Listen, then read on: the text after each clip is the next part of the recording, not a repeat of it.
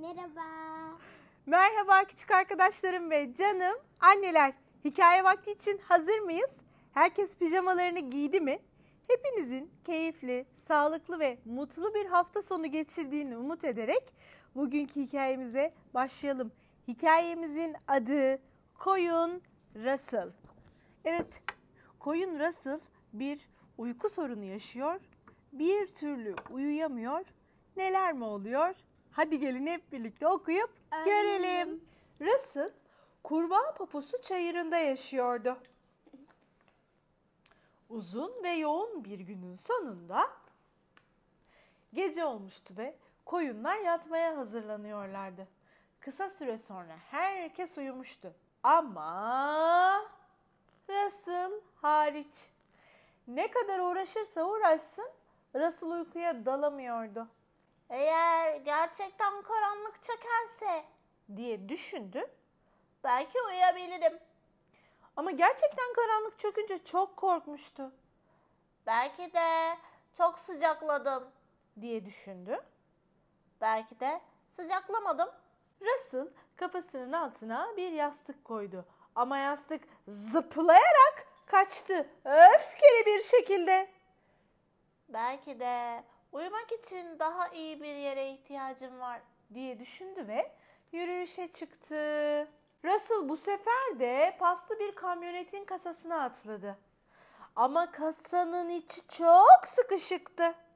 Bir ağaç kavuğunu denedi ama ağaç kavuğu çok ürkütücüydü. Russell bir ağaç dalında bile uyumayı denedi ama çok ve çok kalabalıktı bu ağaç dalı. Peki koyunlar ne yapardı? Russell hiç uyuyamayacağını düşündü. Ama sonra aklına harika bir fikir geldi. Belki de bir şeyleri saymayı denemeliydi. Bu sayede uykuya dalabilirdi. Russell ayaklarını saymaya başladı. Bir, iki, üç, dört. Yorgun değildi. Hmm, galiba daha çok ayağa ihtiyacım var. diye düşündü. Sırada ne var? Yıldızlar. Russell hepsini teker teker saydı. Bir, iki, üç, dört, beş. 600 milyon milyar 10 tane. Russell'ın hala uykusu gelmemişti. Yıldızları yeniden saydı. 600 milyon milyar 10 tane.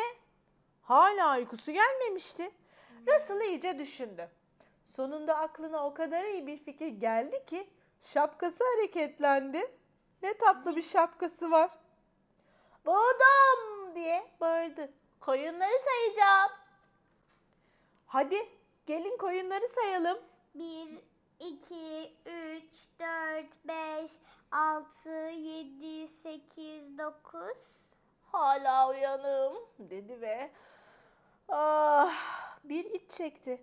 Russell aniden çok önemli küçük bir koyunu saymadığını fark etti. Hangi koyunu? Kendisi.